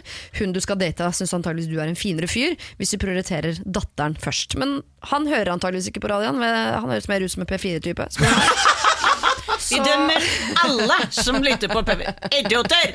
Idioter. Så fortsett med ræva livet ditt, sier vi til han. Men Katja, du kan jo si til han at du syns han tar mange dårlige avgjørelser i livet sitt. Uh, hva angår datter og radiolytting osv. Uh, men uh, overfor datteren din, så vær positiv. Se på dette Ja, her som noe hun burde glede problem. deg til. Ikke lag det til et problem i hennes hode. Og så får du børste det litt av skulderen og tenke at å herregud, glad jeg er ferdig med han fyren der, ass. Siri og de gode hjelperne. Something Just Like This uh, synger de. The Chainsmokers og Coldplay. Dette her, uh, altså. Det er vel Coldplay som står for synginga. Chris Martin, hva heter? Ja, er det ikke det? Deilig vokalisten. Ja, tror det. Han syns jeg er uh, kjekk. Ja. Vi snakker mye Jeg tror det er litt sånn stemning her. Det er veldig våryr stemning, ja. Eller så. Er det fordi vi skal en tur til Danmark, og eh, hvis noen sier Danmark til meg, så tenker ikke jeg familieferie. Da tenker jeg eh, eh, utroskap. Eller jeg har bare lyst på danske menn og hvetebakst Er det sant? over en lav sko. Syns du dansk er så sexy? det mest Det altså. det, sexy jeg vet om, er en sånn litt tjukk danske som, står, som jobber kanskje i Vegvesenet eller sånn. Står i sånn arbeidsbukse, bar overkropp, midt på dagen i solsteika, litt sånn ølmage. Spiser ostesmørbrød sånn at han blir sånn glinste i fjeset, og drikker øl. Og tar livet med ro. Faen, du, ass. Det Er det sant? Det er det mest sexy jeg kan tenke meg i hele verden. Oi. Du, du og jeg sammen, Siri, så hadde ikke vi slåss om de samme mennene. For å si det sånn. Da skal du få lov til å gå i fred og holde på. Det, vær så god. Det, han er ikke på min liste. Oi, oi, oi. Vi har alle vårt. Vi har alle vårt.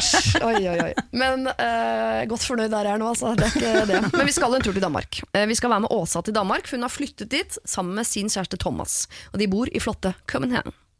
På treningssenteret der vi går, er det naturligvis bare dansker. Og en av disse danskene, kall han Flemming, har jeg trent litt ekstra mye med. Dette er fordi vi er på ca. samme nivå, og at han har vært morsom å trene med helt til nå. Flemming har muligens vært litt småbetatt av meg i noen måneder, og jeg har ignorert det og bare møtt ham for å trene. Nå syns jeg det begynner å bli mye. Han vet godt at jeg er sammen med Thomas, men det hjelper tydeligvis ikke. Jeg har fått helt avsmak på fyren, og prøver hardt å ghoste han. Vi reiser til Norge i sommer, og han spurte meg om ikke han kunne komme og besøke meg, skråstrek oss, i vår hjemby i sommer.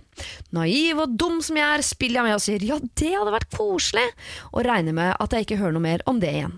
I går sendte han melding og spurte når det passet for meg, eh, slik at han kunne bestille flybilletter, og jeg får panikk! Jeg har ikke tid til å valse rundt med han i sommer når jeg endelig skal få være sammen med mine venner og min familie. Men hva skal jeg gjøre, kjære dere? Jeg er 25 år, kall meg også.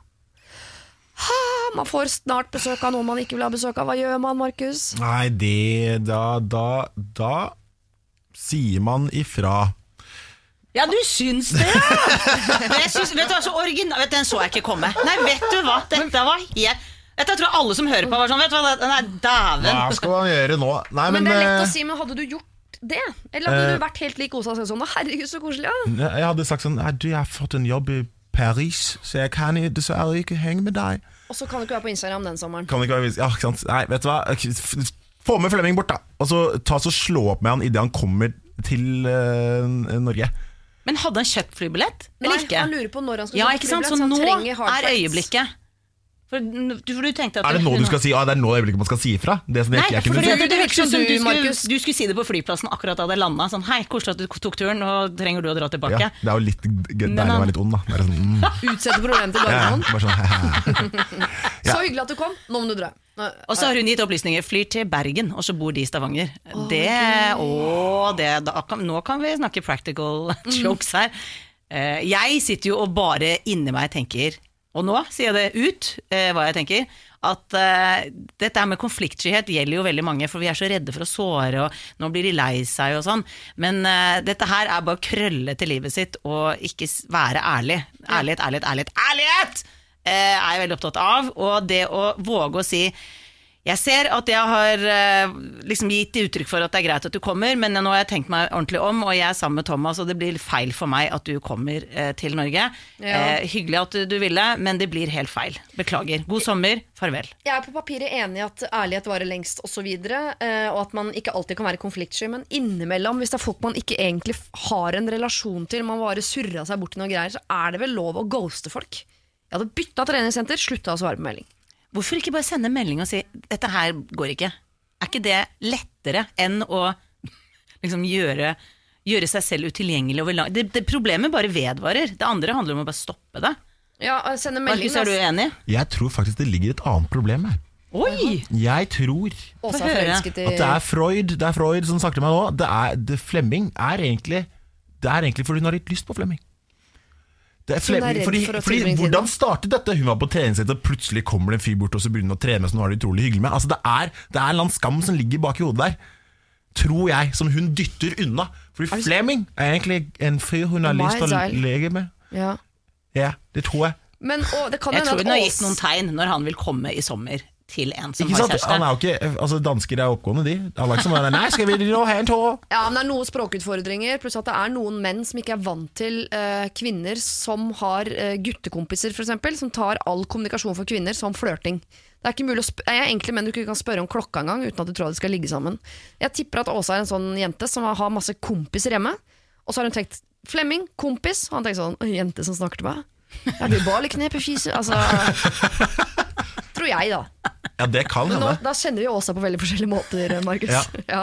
Åsa er enten en tøyte eller en veldig ordentlig jente som har havna inn i et dilemma. Absolutt. Men problemet er jo der fremdeles at hun ikke vil at han kommer, og nå er han i en setting hvor han sitter på nettet, klar til å bestille. Og da mener jeg soleklart fra dette panelet her Ja. at send nå en melding og våg å være ærlig og stå i det. Og si 'dette blir feil for meg, beklager at jeg ga uttrykk for at det var greit du kom'. Ta selvkritikk på det. I'm out of here. Men vi har kommet så langt i terapien nå at det er lov å sende meldinger om ting. Vi må ikke ta opp ting face to face bestandig. Nei, nei, nei. Nei, for de er jo ikke kjærester. Nei. Nei. ok. Så Åsa, eh, selvfølgelig hvis du har en liten fane i deg, så venter du med å gi denne beskjeden. Da må du gjøre det face to face til han står på Gardermoen. Det er jo litt gøy. Nice. Du kan velge å sende han til Bergen, eh, min, eh, altså sende han til en annen by enn der du bor. Eh, ellers er det mest ryddige å gjøre her er å sende en melding, eh, ganske sånn nøktern, om at du vil faktisk ikke ha besøk. Og På den måten tror jeg også du har avsluttet dette vennskapet, og du kan beholde treningsabonnementet ditt på dette senteret i Søbenhavn København. Og selv om det er vondt idet du sender, eller trykker på send, så er altså problemet avsluttet. De har- forstår hverandre Åh, ikke. Yeah, yeah, ja, jeg har gjort det Problemet er en gang løst. selv. Det er veldig deilig de gangene man tør å sende meldingen. Ja, Jeg tror det blir. Ikke noe, ja. Det er litt vanskelig, men det er veldig deilig etterpå. Siri og de gode hjelperne. Du hører på Radio 1, Norges eh, yngste og nyeste radiokanal. Kan sammenligne med hvilken religion er yngst og nyest, er ikke det islam? Er ikke det scientologi eller noe sånt? Jo, men da er vi over på sekt. Tenk liksom de store religionene. Beklager til alle våre uh, scientologer. Jeg har ikke peiling. Har ikke peiling. Det er mitt svar. Ja. Jeg skal være litt forsiktig med å sammenligne Radio 1 med islam. Det skal jeg være Ja. litt, litt forsiktig med, men uh, vi er i hvert fall nye, da. Det er Ja. poenget mitt. Kunne ha sammenlignet med en is eller brus som nettopp har kommet på markedet. Mye, Men vi gikk for religion. Jeg gikk for religion. Ja. Prøvde å dyp smart ut der. Ja, jeg er veldig, veldig dyp. Dere, vi skal snakke om uh, framtiden til Frida. Eh, hun er 26 år uh, gammel og skriver følgende. Eh, Jeg er forlovet, jeg eier hus og bil sammen med mannen min, og vi er begge, i, ikke mann, altså, men type, er 100% i jobb og har stabil inntekt. Plan, planen vår har de siste månedene vært at vi skal spare opp nå, gifte oss neste sommer, og så ser vi for oss barn om et par år. Men jeg hater jobben min. Jeg har gjort det i lang tid. Jeg har bare skjøvet unna. Jeg kjenner at jeg lever for frihelg og ferie, og sånn kan det ikke være resten av livet. Men tanken på å begynne på skolen igjen er helt overveldende. Hvis alt skulle gå på skinner, så vil jeg være ferdig rett før jeg fyller 30. Så må jeg da få en jobb uten å være gravid, så må jeg jobbe litt, så må jeg sette i gang med å få barn, en del senere enn planlagt. Bryllup må vi vel også se langt etter hvis jeg skal gå fra full jobb til fulltidsstudent. Alle våre omgangsvenner er langt foran oss i løypa, og jeg vet ikke engang om vi kan få barn, eller hvor lang tid det kommer til å ta for oss å bli gravid. Så hva skal jeg gjøre, da? Skal jeg sette meg på skolebenken i fire år, og dermed vente med både bryllup og familie til over 30, mens vennene våre har barn i skole, skolealder, så går jeg rundt med nyfødt? Eller skal jeg innfinne meg med at jeg kan ikke bare få alt her i livet? Noen må kanskje bare ha en kjip jobb, grue seg til hverdagen, men da kan vi i hvert fall gifte oss og få barn nå. Kall meg Frida. Å, herregud. Ja ja, Frida!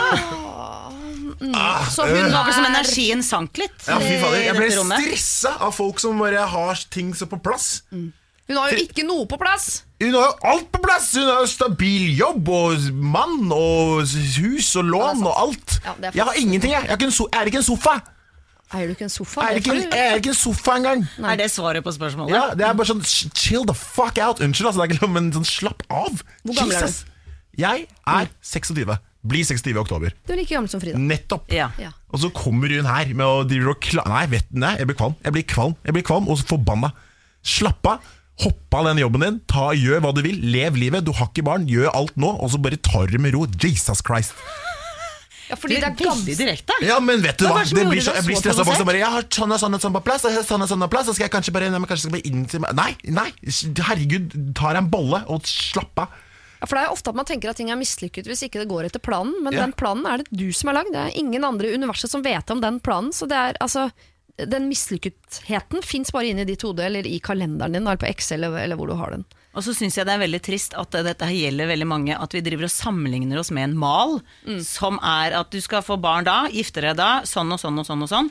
Og så føler alle som ikke følger malen seg som en taper, som Ja. betyr at fryktelig mange føler seg Ja, men nå passer jeg ikke inn i dette her, og det skal jo være sånn, og som et år er det for seint, og om et, to år er det for tidlig. Og, altså, det er liksom sånne resonnementer som er basert på en veldig smal sti, og da lager du livet ditt veldig trøblete. Eller det er basert på ikke det du vil, men det de andre rundt gjør. Ja, ja, Ja. Forventninger. Ja. Det riktige.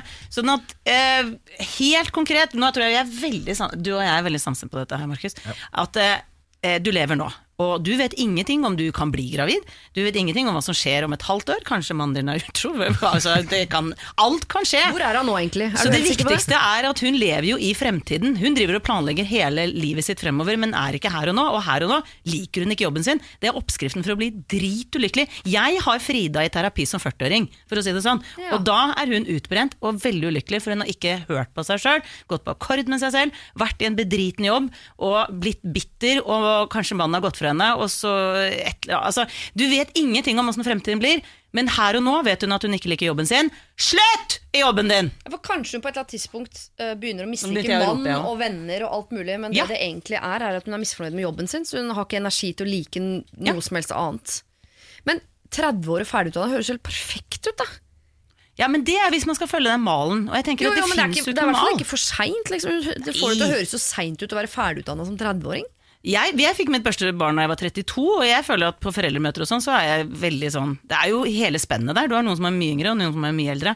Men du, du, får det når det var deg vel riktig. også etter at du fikk barn, så det er også en mulighet. Ja, jeg ble gravid mens jeg tok eh, familieterapi, faktisk. Det er også en mulighet. Det er altså så mange muligheter, men det som er hemmeligheten for å leve et godt liv, er å lytte til deg selv. Gjøre ting som er riktig for deg. Leve et liv sånn som Markus gjør, som ikke eier en sofa, men har det fint fordi han er indrestyrt, og det betyr at du styres mye av ordet vil, og ikke må, bør eller skal. Og det er det hun gjør. Jeg må jo det, jeg bør jo det, jeg skal jo det, skal ha penger, skal ha bryllup, skal ha barn. Ja. Vær så god, det er veien til å bli utbrent. Veien til lykke. Ordet vil. Vil jeg dette her? Nei. Vil ikke være i jobben sin. Nei, men så gjør noe med det. Ta Eller- ansvar. Eller oppsummert i setningen til Markus som er 'chill the fuck out'. Var det det? Ja, det synes jeg Det var, kan vi også bare Ja. Det er kortversjonen. si. Det er kortversjonen, og kanskje litt strengere versjon eh, enn terapeutspråket er. Jeg, jeg, jeg beklager for uh, hvor hissig man ble. Men det er, bare, det, er så mange, det er så mange i dagens samfunn som har det sånn, sånn som Frida nå. Ja. Og det blir så slitsomt. Kan vi ikke alle bare slappe litt av? Det blir så mye hyggeligere. Det er, masse, det er en lang mail, masse informasjon, Frida, men det som står ut som det viktige her, er at du er i en jobb nå som du hater. Alt det der med hva du har tenkt til å vende inn og sånn, driter i den informasjonen. Vi er ikke interessert i å høre om det engang. Eneste vi egentlig hørte, er at du er i en jobb nå som du hater. Da har vi bare ett råd. Du må slutte i jobben din. Siri og de gode hjelperne. Søndager fra to på Radio 1. Nå skal vi over til kåtskap og glede, dere. Er dere klare? Oi! Oi, er det Og nå kvikna vi til Oi! påskap og glede, nå snakker vi! Mine gode hjelpere i dag er jo da Marcus Bailey, sendt fra Barne-TV, TV 2, eh, men også Book of Mormons. og og Norges deig, han mimer nå, Norges aller deiligste mann er han også. Men Nei, er, de du er deiligste. Topp ti. Topp topp ti. ti Men hvilken, deiligste hvilken menn. plass på topp ti? Eh, det, det, det er får folk Det er ikke bestemme. så for- Folk, det det er er ikke så farlig. subjektivt, men Ja. det er for blant topp ti. Jeg har funnet ut at jeg er Norges nummer én syver. Ja. Er det sant? Jeg er, nummer, jeg er, jeg er den beste syveren. Det hadde jeg snakka om til alle hele tida hvis jeg var på den lista der. Da hadde jeg gått med T-skjorte og caps med det, den infoen til enhver Ja, tid. det, er, det er på vei. Fy er fader, det. Og kontaktinfo. Ikke glem Ja, kontaktinfo. men telefonnummeret kommer etterpå. Har også med meg komiker og relasjonsterapeut Dora Thoralsdottir. Ja, takk skal du ha. Vær så god. Vær så god. Hei! Jeg lurer på hvordan Altså Det er to, todelt dette spørsmålet, men vi kommer til å snakke mest om kåtskapen. Jeg lurer på hvordan å slutte å være så forbanna irritert på kjæresten, og hvordan bli kåt på kjæresten igjen. Jeg elsker han høyere enn noe annet, og vi har, vært sammen, eh, vi har ikke vært sammen i et år ennå engang, men vi bor sammen. Hva skal jeg gjøre? Altså, De har vært sammen i under et år, de er samboere, og hun trenger å bli kåt på typen sin igjen. Ja, det er, Kåtskapen er godt ord. er ikke det litt sånn uh, Da er du ferdig? Det, det blir litt trist da. Jeg tenker sånn Oi, jeg det slutt Ja, var det allerede? litt tidlig? Ja! For det, på et eller annet tidspunkt så forsvinner det jo litt, og så kommer det tilbake. Og så Ja, det liksom men veldig år. mange sitter og mimrer over det første året som uh, kåtskapens akse uh, Ja. og lykkens år. Der hvor vi aldri fikk nok av hverandre. Nei, Så det, det, at året man lå sammen, selv om svigers lå Ja, ja. ved siden av fordi ja. man er i Danmark osv. finner alltid en mulighet. Og så når det første året nå allerede avtar, da tenker jeg sånn Oi. Men, men eh, ja, for det er litt sånn tidlig å liksom finne hjelp nå. Eller ikke. Ellers er det bare bra. Da starter vi tidlig med sånn Nå må vi snu denne trenden. Nå, nå, er, det, nå er det noe utstyr vi må skaffe. Ja, for det er vel aldri for tidlig å be om hjelp. Som oftest når man ber om hjelp, så er det jo for seint. Ja. Det sa en relasjonsterapeut eh, som jeg snakket med en gang. Ja. Sånn, Ni av ti par jeg får i stolen her, er for seint. Mm. Ja. Har kommet for årevis siden. Så det er bra hun eh, tar tak nå, da. Og det Ja. går jo an å gå Altså Det fins jo mange altså sexologer, rett og slett. Det er masse konkrete tips. Som f.eks. at uh, i en periode så skal de ikke ligge sammen, men bare ligge nakne ved siden av hverandre. Fordi at uh, bare ligge og vite at det kommer Det ikke ikke, til å ende Nei, det er ikke lov av sex i la oss si tre uker, da. Ja. Men vi ligger nakne ved siden av hverandre bare for å få den tenningen, veldig ofte da, dessverre hos damer, Og for å eh, øke den tilbake. fruktfølelsen. Ja, ja. Mm. Og at når du vet at dette ender ikke på det samme stedet hele tida, som da er sex, men nå ligger vi her nakne, ta, tafser litt, klinner litt, sier natta. Da legger han seg litt seksuelt frustrert, men hun eh, høyst sannsynlig. Mens hun da Dette er bare ett tips, altså, det Ja, finnes ja. jo masse forskjellige ting. Men eh, det kan være liksom med da på å bygge opp for henne en lyst på han igjen. Men jeg syns jo det er litt urovekkende at det er så tidlig. Fordi at det er uh... Men tror du det kan være, for det, Jeg har jo flytta sammen ganske tidlig også, og noe av den uh, Hvis jeg skal snakke uh, ut av egne erfaringer, så forsvinner noe av kåtskapen når man bor sammen, Fordi da får man noen sånne mønstre. Altså Når man besøker hverandre, så går man og legger seg sammen. Jeg er på besøk hos han, han hos meg, og så bor man sammen. Så har jeg da mine leggerutiner som er sånn legg meg i titida. Så har han sine leggerutiner som er legg meg i tolvtida. Og jeg kan være et helt sånn normalt kåt menneske, men jeg er ikke et sånn på onsdag som ikke klarer å dy meg. Jeg må bli bent over kjøkkenbenken eh, mens jeg rører i gryta, liksom. Jeg er ikke så ofte der, kan du si. Så jeg er litt avhengig av nettopp å ligge naken ved siden av i senga for å komme på sånn Ja, det er liggegreiene! Det liker jeg kjempegodt! Det gjør vi! så jeg, jeg bare tenker at det å flytte sammen kan være sånn knekken for noen folk. Fordi man, man Hvis man ikke legger seg samtidig, Ja. så er man aldri nakne sammen. Ja. Og hvis man da ikke er en sånn eh, Herregud, når du sitter og ser på TV på den måten, så blir jeg så kåt. Jeg Ja. dauer. Da er det litt skjørt. Ja, og så kan det være eh, bare et sånt, eh, En tanke her også er at menn blir jo ofte sånn visuelt kåte av, altså blir kåte av det visuelle, å Ja. se, eh, mens damer ofte er på ord. Ikke sant? At eh, det kan, nå vet jeg ingenting om henne, da, men hvis hun eh, gå litt inn i hva er det som gjør at hun blir litt tent, f.eks. hvis de sender SMS-er til hverandre, det kan være hjemme for den saks skyld, Ja. på hva han vil gjøre med henne. Hvis, det, hvis hun vet at det tenner henne, eller se på porno for den saks skyld, det er noen par som har glede av det, Ja. eller eh, at hun vet selv hva som setter i gang eh, prosessen, eller at han gir henne masse komplimenter, og hvor deilig hun er i senga, og eh, jeg vet da fader, jeg. men i hvert fall finne ut hva er det som ofte får henne litt i gang, og gjøre mer av det. Kan ikke du formulere en sånn SMS? Som du, hva vil du ha Jeg sitter bare og noterer alt nå, jeg. Eh, eh, en SMS? Ja, hva, Nei. skulle du, ha- hva, hva skulle du sendt på SMS til en dame? Åh, det er noe på fra, Nå må jeg lære deg fransk. Eller sånn Je dors, le seng, le uh, puppe, Corpulation. oh, le crop, eh, deilig. Eh, nei, jeg ville sendt sånn derre Ja, men gud bedre så deilig du var, da. Kom ikke til å ligge der i senga og kose oss. Shit, det er det minst sexy. Var ikke det sexy? Var det det? Ja, ta så, det, kom da. Det er gøy at det måtte være på dialekt, Ja, det må jo det, liksom. da. Jeg tar så Lukk opp kaviarstjerna, på Emsen. Nå snakker vi! Der, der har vi det. Blir ikke gravid i ræva! Hoi! Nei, men eh, Jeg er ikke god på det her, tydeligvis, så ikke spør meg. Nei, jeg vet det er Jeg tar det gjerne en som- dans. Jeg danser til Genoa med Pony og har sånn Magic Mike-session. Ja. Det, er- det er min greie. Det kan jo være at hun blir tent av å danse tett, og kle, at han kler av henne. Ikke sant? Finn ut hva du blir litt tent av, Ja, og gå den veien der.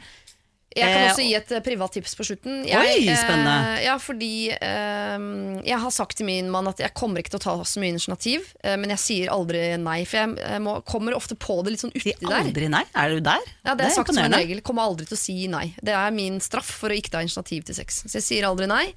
Uh, for det annet, noen sekunder eller minutter uti der, så kommer du jo på hvor digg det er. Ja, ja. Det er bare at jeg tenker ikke på det ellers. Uh, så jeg av og til uh, sender melding til mannen min om at eh, i kveld skal vi dette, eh, osv. For da kan jeg ikke trekke meg. Da kan jeg ikke sånn, da kan ikke dagen sånn åh nei, i dag var jeg litt sliten eller trøtt, eller hadde mer lyst til å se på Bachelorette, eller hva det måtte være. Det er ikke gyldig fravær, for han har en SMS der det står Det 'Jeg skal suges i dag!' Og det glemmer ikke han. Og da må man levere. Og noen minutter uti det greiene der, så kommer det på sånn 'Å, det er det her, ja. Det liker jeg'. Dette Jeg liker jeg. bare for meg Han spretter rundt på jobb og er sånn skikkelig i godt humør. Og kollegaer bare 'Hva skjer med deg i dag?' 'Nei, i dag er bare en bra dag! Jeg skal suges!' Å, det er gøy! Nå har du fått Siri, mange da? Eh, fått melding. gode og noen veldig private tips her fra Siri og de gode hjelperne. Og hva Og du dropp den der velger dialekten, å tror jeg. velge, det vet vi ikke. Men send meg gjerne en mail, sier alfakrøllradio1.no, hva du velger å gjøre, og om det funket. Bildebevis trengs ikke. Siri og de gode hjelperne. Søndager fra to på Radio 1. Vi skal hjelpe en som heter Susanne, som har et eh, venneproblem. Er i ferd med å miste kontakt med venninna. Vi har vært innom dette her før. Hva flytting kan gjøre med et forhold, hva barn kan gjøre med et forhold, osv. Hei. Jeg har et problem når det kommer til bestevenninnen min. La oss kalle henne for Synne. For ca. ett år siden fikk hun seg en jobb som preger hverdagen hennes veldig mye. Hun er kjempeflink og står virkelig på og er utrolig stolt av henne. På samme tidspunkt fikk hun også en kjæreste, og før dette var vi sammen egentlig hver dag. Og bare så det er klart, så er jeg ikke sjalu på deres forhold, da jeg selv har kjæreste, og jeg kjenner typen hennes også godt. Problemet er bare det at i løpet av dette året er det kun disse to tingene som har stått i fokus for Synne. Hun tar seg selvfølgelig tid til meg også, men når vi er sammen er det kun snakk om jobb og kjæreste. Jeg føler at jeg kun er der som veggpryd, slik at hun kan fortelle meg om hvor flink hun er. Og hvis vi har jentekvelder, og det er som oftest kun når typen ikke er, øh, kan være hjemme, så kan jeg ende opp med å sitte der i flere timer og kun høre om problemer hun har på jobb, hvor bra hun gjør det i forhold til andre, eller hvor chill hun er som kjæreste. Jeg kommer veldig sjelden til ordet, og hvis jeg først gjør det, og f.eks. sier 'Å, jeg var så sliten etter skole og jobb på torsdag', så går samtalen over til hennes retning igjen, slik at hun kan fortelle hvor sliten hun var etter både onsdag og torsdag. Så det jeg egentlig trenger hjelp til, eller råd om, da, er hva jeg skal gjøre. Skal jeg gjøre, eller øh, mime noe, eller øh, hva, skal jeg, hva skal jeg gjøre for å få dette vennskapet til å gå begge veier? Hvor øh, jeg også kan få lov til å komme med mine gode eller dårlige opplevelser, uten at hun alltid skal toppe dem. Jeg kan ikke buse ut med dette da hun fort kan ta seg nær av ting og gå rett i forsvar. Jeg vil jo ikke miste min aller beste venninne, men jeg vet ikke hvor lenge jeg klarer å være i det lenger. Har du noen gode tips? Hilsen en som er konfliktsky. Ja. Ja, det var vanskelig. Det var, det var gøy at hun sånn, skriver tegn så hver gang eh, venninnen begynner å si noe, så må hun si noe ko-ko! Safe word, sorry, liksom. sorry, sorry. Ja, man kan jo ha noe sånn.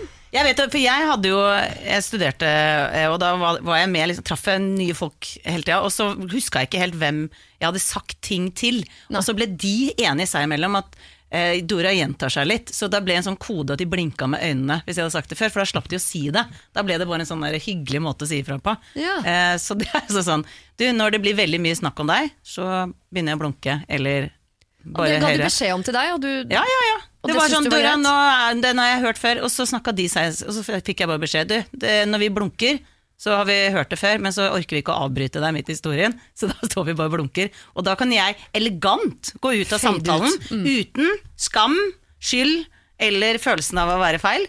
Jeg bare tenkte ja, ok, sånn, og så bytta jeg tema. Ja. Nei da, men uh, dette her var bare i forhold til dette her med å gi et tegn. Uh, jeg sitter jo og lurer på hva hun skal med den venninnen, at jeg blir jo fascinert av denne lojaliteten vi har til de vi har hatt i livet lenge. Uh, fordi at det høres ut som hun har veldig lite utbytte av å være sammen med denne venninna. Jo, men skal ikke ting få gå litt i perioder? Altså, hvis man har hatt en bestevenn fra man er bitte liten, og som plutselig er inne i en periode med mye jobb, mye kjæreste.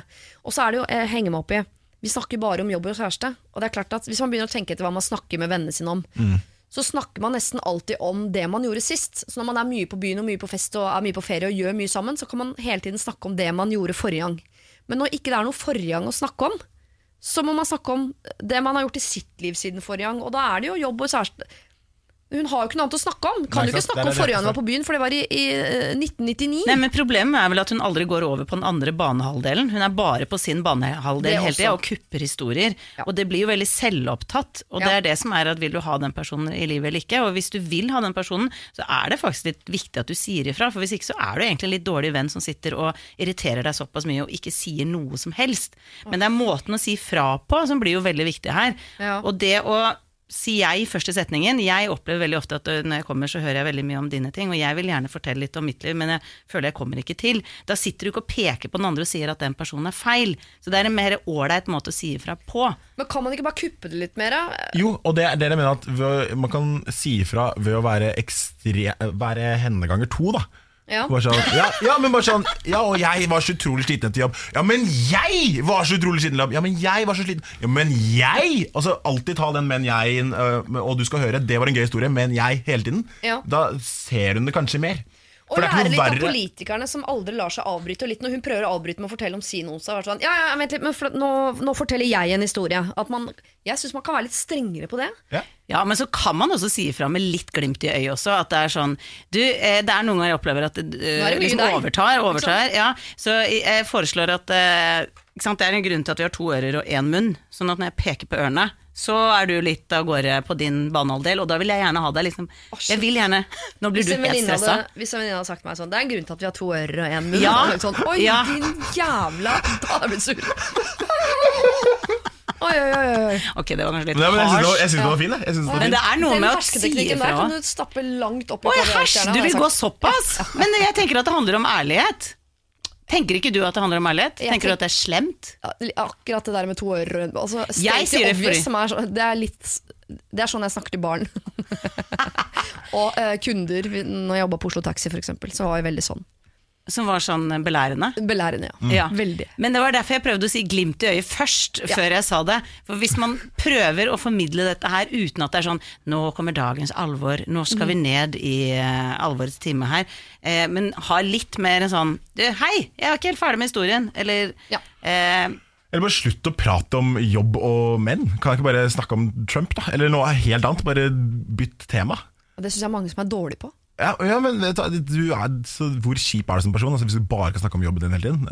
Snork. Ja, ja det er Snakk kanskje om, litt snakk kjedelig. om, snakk om eh, det, hvordan denne puppen din er større enn andre, og det er rart. Altså, jeg, jeg vet ikke, men det er sånn, sånne rare ting. Ja, for kanskje Nå- hvis, du nå- finner, hvis det var mitt Susanne- eksempel på jo, men hvis jenteprat. Susanne finner noen temaer Det er vel ikke sånn at venninne til Susanne alltid har noe å toppe med, liksom. Men hvis det er snakk om kjæreste og jobb, så har hun tydeligvis det. Da. Men hvis du begynner å snakke om ja, pupper og Trump, Ja. som er jo ofte to sider av samme sak. Men min Trump! Nei, det går Ja. ikke. ikke sant? Det Nei. funker ikke. Ja, det går ikke. Så bytt tema. Snakk om noe helt annet. Begynn å snakke om uh...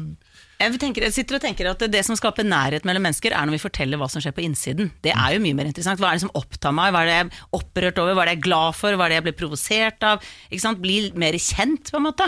Så Ja. hvis man forteller mer om hva som skjer på innsiden, og så er interessert i hva, hvor er du i forhold til dette, hva skjer med deg når Trump gjør ditt, eller hvis vi skal holde oss til Trump, da. Eh, men litt mer være litt mer ærlig om deg selv, så kommer du nærmere andre. For med en gang man er på hver sin sånn planet og bare rapporterer eh, observerer liksom Ja, ja, ja. sitt eget liv, og så kommer med sånne tilstandsrapporter, så blir det jo på en måte ikke noe som binder deg sammen. Og dra på fylla. Dra på hardfylla neste gang. Som bare helt Aya Nappa Crazy Town. Og Ja, så kan du snakke om de det neste gang. før. Ja, De gjorde og så det gjør det. Før. Gå ut på byen, tre Tequila, eh, rett opp i pæra, og så kan man mimre om det i hvert fall en god uke etterpå. Det er det jeg savner mest med mine venninner. Er at Når vi møtes nå, så snakker vi sammen om hvordan det går med ungene og mannen. og sånn Jeg har lyst til å bli sånn eh, idiot, sånn som man ble i gamle dager. Og gjøre tullete ting. Det savner jeg altså så sårt. Må tilbake dit. Kan være Men det er 40-årskrise løpet kjørt. Vil du sende spørsmål til Radio 1, høres det ut som? Nei, jeg Eh, får det til, får det til innimellom. Jeg bare huske at det, var, det har jeg som nyttårsrett hvert år. Bli mer tullebukk. Mer, mer sprit har Mer tøys. Ja. Mer tøys og sprit.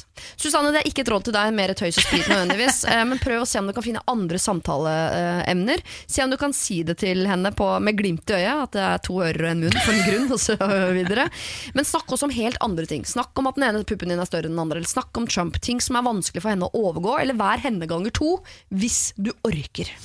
Siri og de gode hjelperne. Søndager fra to på Radio 1. Det er altså på tide at uh, Dora, Markus og jeg, Siri Kristiansen, skal dele ut noen handlenett, eller såkalte tote bags, hvor det står 'Heia deg!' Hilsen Siri og de gode hjelperne og Radio 1 osv. Jeg skal sende til eh, Sanna, som var usikker på om hun skulle dra til Syden med mora og faren sin, eller om hun skulle dra på festival med venninnen sin. Du skal på festival, og da kan det være greit å ha med seg en såkalt tote bag. Lambi han skal fri, men vet ikke hvordan. Det tror jeg vi løste på god måte. Altså, tenk litt på deg sjæl, litt på dama, legg deg på midten. Du får selvfølgelig også et handlenett. Og så har vi eh, den 21 år gamle og ensomme jenta som bare observerer venninnene sine som drar på fjellturer og utenlandsreiser, og hun er aldri invitert. Det håper vi at eh, er i ferd med å nærme seg slutten. Du skal inn i den gjengen igjen, og med deg på reisen så får du da et handlenett. Det føltes nesten frekt. Det skulle du fått noe mye, mye mer. Så har vi jo da Kjersti, som ikke liker svigermora si. Nå er hun gravid, så svigermor blir farmor. Og hvordan skal nå det gå? Eh, Du må se på farmor som en ressurs eh, i større grad. Eh, Du får også et handlenett. Katja har en eksmann som sender en sjunkel Rolf på avslutning i barnehagen med dattera mens han selv drar på date. sånn er det. Du har gått fra fyren, det er hans uke. Det kan du faktisk ikke legge deg borti. Men du kan si hva du mener, da. Til han, ikke til barnet. Åsa bor i København, skal hjem på ferie, og med seg på lasset så virker det som om det skal være med en danske. Flemming heter han, har invitert seg selv og lurer på når han skal komme. Eh, Vi er ikke interessert i at han skal komme hit på besøk. Eh, Så Åsa, det må du få en stopp på. Det gjør du via SMS. Eh, Frida, som er usikker på fremtiden, skal hun gifte seg for barn, eller skal hun hoppe av jobben og begynne å studere? Der ga vi en ganske tydelig beskjed om at du skal i hvert fall hoppe av jobben din. Vent med unger og bryllup, og ikke tenk så mye på fremtiden. Tenk på at du skal ha det bra akkurat nå. Så hadde vi noen rimelig konkrete råd, syns jeg, til hun som lurer på hvordan hun skal bli kåt på kjæresten sin igjen. Der eh, regner vi jo med at det kommer til å knulles over en lav sko i ukene som kommer. Eh, hva du trenger det handler. Kanskje du trenger et handlenett eh, som du kan fylle med kondomer eller eh, graviditetstester. Ikke vet jeg. Eh, så har vi da Susanne som føler at hun har mistet kontakt med sin beste venninne. Trenger du den venninnen egentlig så mye? Og hvis du gjør det, ja, så må du ordne det. Du skal også få en tote bag. Hvem vil du gi eh, bag til, eh, Dora, og hva skal du fylle den med? Eh, den, med fare for å bli veldig politisk korrekt og kjempekjedelig svar, så er det likevel eh, disse menneskene jeg vil gi bagen til, og det er Hold deg fast, dette er så korrekt å si. Men jeg har vært på skoleavslutninger denne uka for mine to barn. Ja. Og lærerne, hvor viktige de er for barn, og hvor fantastisk god jobb så mange lærere gjør, at jeg ble så rørt over hvor glad de er i læreren, og hvor glad læreren er i elevene. Eh, og jeg tenker at vi undervurderer og verdsetter ikke så fantastisk innsats som mange lærere gjør, og er sammen med barna våre, er så gode mennesker. Eh, Så det er liksom ikke noe sånn kjempegøy svar, men det er det første jeg tenkte på da du sa nå Hvem vil du gi noe til? Da vil jeg gi en Konkret. svær bag med gavekort til spa. Fordi det har ikke lærere som regel råd til. Til alle lærere i Til Norge, eller til læreren til dine barn? Nei, til alle lærere i Norge som er supre. Ja. Og ikke til de som ikke er supre. Men du kommer til å legge et lite kort oppi der hvor det står sånn 'drit i lekser', da. Ja, for det er det, var, Det jeg, jeg var glemte inne på det. Dora Torasdottir, komiker, relasjonsterapeut og leksemotstander. Mm. Takker Satt deg for gang, det. satt i gang aksjon, så det er for alle som er for leksefri skole, ekstra stort eh, gavekort til de. Jeg har skrevet under på kampanjen. Bra. Er altså så enig. Markus, hvem vil du gi bag til, Du, og hva fyller du den med? Jeg skal være såpass nerd at jeg eh, vil gi handlene til fotball-VM! ikke Russland, FD. Men, eh, ikke hele Russland, men du, you know who. Eh, og så bare til alle som er med i fotball-VM og skal skape underholdning nå resten av sommeren. Jeg gleder meg som en liten unge. Det er så godt det er så godt i gang. Og det, er så, åh, det er så deilig med mål og stemning og alt. Pils i parken og alt. Oi! Hvem heier du på? England, fordi jeg vet de ikke vinner, og det er så gøy. Ok, men Hva skal være oppi den bagen? da? Bare Mål! Mål? og corner og gule og røde kort og heidundrende stemning. Ja. Fader, så nerd jeg er, men jeg koser meg. Du går en fin eh, sommer i, møte, tror jeg, Markus. Omma! Jeg syns det er litt slitsomt allerede. I hvert fall når Norge ikke er med. Herregud. Jeg heier på Italia. Island er med! Island er med. Da heier jeg på Island. Det visste jeg ikke. Nei, du gjorde ikke det, nei. De skal klar. spille mot eh, Argentina. Ja. Eller har spilt. Og da er de ute. Det er ingen som regner med noe annet. Men det er, det er sånn, det alle sier er at det er koselig at de er med. Ja. Da skjønner du at det er ingen forventninger. Nei da, det er deilig det. Forventninger er eh, grusomt. Dere, det var det vi rakk i dag. Til deg som hører på, så fortsett å sende inn problemer. Jeg er tilbake neste søndag. Siri alfakrøll radio1.no. Og til Markus og Dora, nå er jo dere blitt nesten et par, føler jeg, i løpet av dagen i dag. koselig. Vi er så nær. Ja, så jeg håper Ja. dere drar til, ikke til Wien, men til London for å finne ut av kjærligheten der. Guds skyld ikke dra til Wien. Men ha en fin sommer, da. God Jo, takk, sommer. like. Siri og de gode hjelperne. Siri og de gode hjelperne er for så vidt ferdig for i dag, men vi er selvfølgelig tilbake om en uke, så fortsett å sende inn problemer til sirialfakrøllradio1.no. Vil du vinne Slottsfjell-billetter, så marker eh, mailen du sender inn med Slottsfjell. Da kan du nemlig bli med oss dit 19. juli. Da skal vi løse problemer live fra en scene. Vi har også fått med oss eh, noen av Norges beste improvisatører fra det andre teatret til å spille ut noen av problemene og løsningene for deg. Det du også kan få lov til å bli med på, det er å få bli med meg inn i en splittende ny Seat og kjøre en liten runde sammen med komiker Erlend Osnes. Han har nemlig blitt kvitt et problem som jeg mener at de fleste burde kvitte seg med. Og det handler om eh, altså det å ikke klare å gi litt mer F.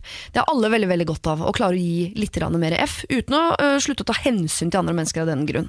Hvordan Erlend har klart å få til det, ja det må du altså høre han si med sine egne ord, der han sitter i passasjersetet og raljerer. Dette kan du se på Facebook, hvis du går inn da på radio1.no. Siri og de gode hjelperne.